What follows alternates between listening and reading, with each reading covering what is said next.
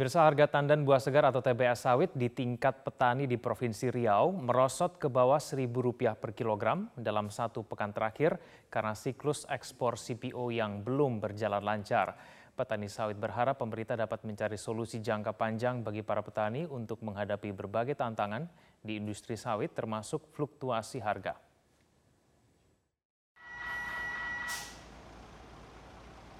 Harga tandan buah segar TBS sawit di tingkat petani di Provinsi Riau merosot ke bawah Rp1.000 per kilogram selama satu pekan terakhir. Harga sawit kian anjlok karena siklus ekspor belum berjalan lancar setelah pemerintah melarang ekspor pada 28 April sampai 23 Mei 2022. Saat ini keran ekspor macet, produksi sawit terus berjalan sehingga suplai sawit melimpah dan menyebabkan penurunan harga. Petani sawit Ferry Haryanja menjelaskan rata-rata harga jual TBS sawit berkisar Rp750 sampai Rp900 per kilogram. Belum lagi dipotong dengan ongkos panen senilai Rp200 per kilogram. Di harga pabrik kelapa sawit sekarang ini eh, sekitar eh, Rp700 sampai Rp1.200. Dan ada yang menetapkan memang sudah ada mulai seperti musimas ya saya kalau di sini itu 1.600 itu harga paling tinggi. Jadi kalau di harga eh, pabrik kelapa sawit itu semisal tadi Rp700 atau Rp1.000 eh, itu biasanya agen mengambil eh, margin sekitar Rp300. Jadi di petani itu yang kami terima itu ya Rp700 mereka beli.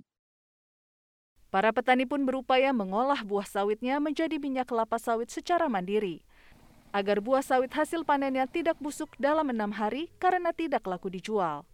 Menurut Ferry, untuk mengolah buah sawit secara mandiri ini, petani membutuhkan bantuan modal.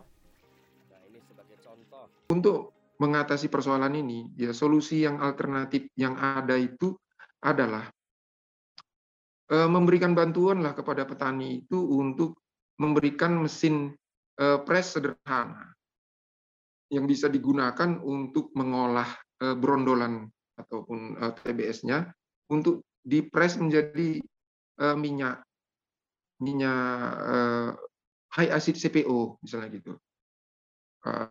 CPO asam tinggi gitu. Jadi sehingga hasil produksinya itu bisa terselamatkan gitu. Bisa terselamatkan Eh, artinya kalau high CPO itu kan bisa disimpan dalam waktu yang lama. Gitu. Sementara kalau TBS-nya tidak dipanen, itu akan busuk. Selain membantu akses permodalan petani sawit, Ferry menilai pemerintah dapat membantu menyediakan mesin pres kelapa sawit secara langsung untuk beberapa kelompok petani. Hasil pengolahan kelapa sawit tersebut juga dapat langsung digunakan untuk program biodiesel 30 persen. Harapannya, petani sawit Indonesia bisa tetap kuat tanpa bergantung pada lancar atau tidaknya kinerja ekspor. Daerah Nusa Tenggara Timur dan Balai Taman Nasional Komodo akan menetapkan harga tiket masuk ke kawasan konservasi Taman Nasional Komodo sebesar 3,75 juta rupiah per orang untuk periode satu tahun. Penjualan tiket dan pengaturan kapasitas pengunjung akan dilakukan secara digital yang mulai diuji coba pada 1 Agustus 2022 mendatang. Wakil Menteri LHK Alwedohong mengatakan uji coba operasionalisasi Taman Nasional Komodo menggunakan sistem digital akan dilakukan mulai 1 Agustus 2022. Digitalisasi Taman Nasional Komodo penting dilakukan untuk menjaga ekosistem yang berkelanjutan, juga mencegah dampak negatif sosial dan lingkungan. Pihaknya akan mengkaji sistem pembatasan kuota pengunjung dan pembelian tiket secara daring. Penetapan harga ini mempertimbangkan biaya konservasi akibat hilangnya nilai jasa ekosistem karena lonjakan kunjungan wisatawan ke Taman Nasional Komodo. Sementara jumlah pengunjung dibatasi hanya 200 ribu orang per tahun.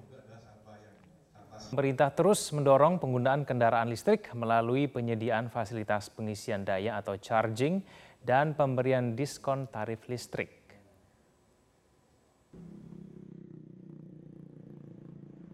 Sebagai upaya mengurangi emisi di ibu kota, PLN Unit Induk Distribusi Jakarta Raya menargetkan 100 stasiun pengisian kendaraan listrik umum atau SPKLU di tahun ini.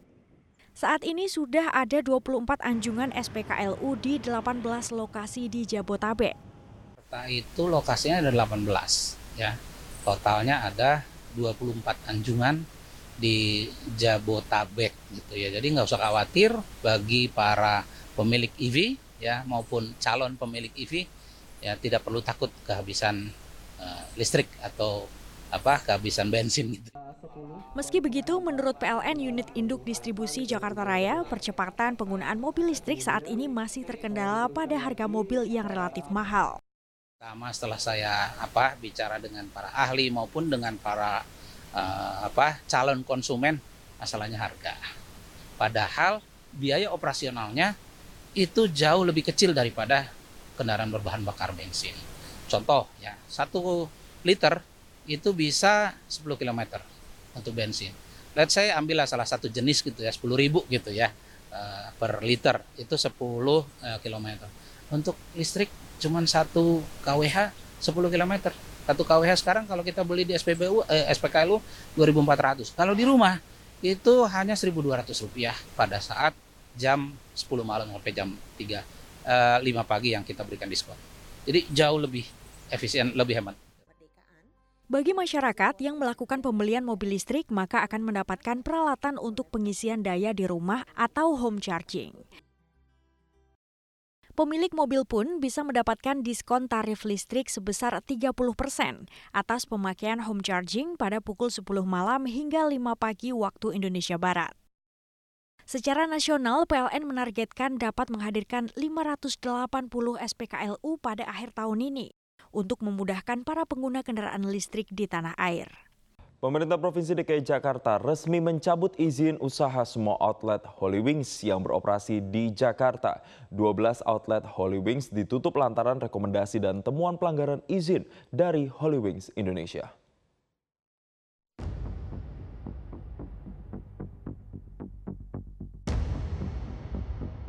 Usai Pemprov DKI mencabut izin usaha seluruh outlet Holy Wings di ibu kota, Satpol PP DKI Jakarta langsung bertindak cepat dengan menutup atau menyegel 12 outlet Holy Wings tersebut. Salah satunya berada di belakang saya, ini merupakan outlet Holy Wings Vendetta Gatot Subroto, Jakarta Selatan. Ini merupakan pengumuman atau spanduk penutupan kegiatan usaha yang baru saja dipasang oleh Satpol PP DKI Jakarta sekitar pukul 10 pagi hari ini.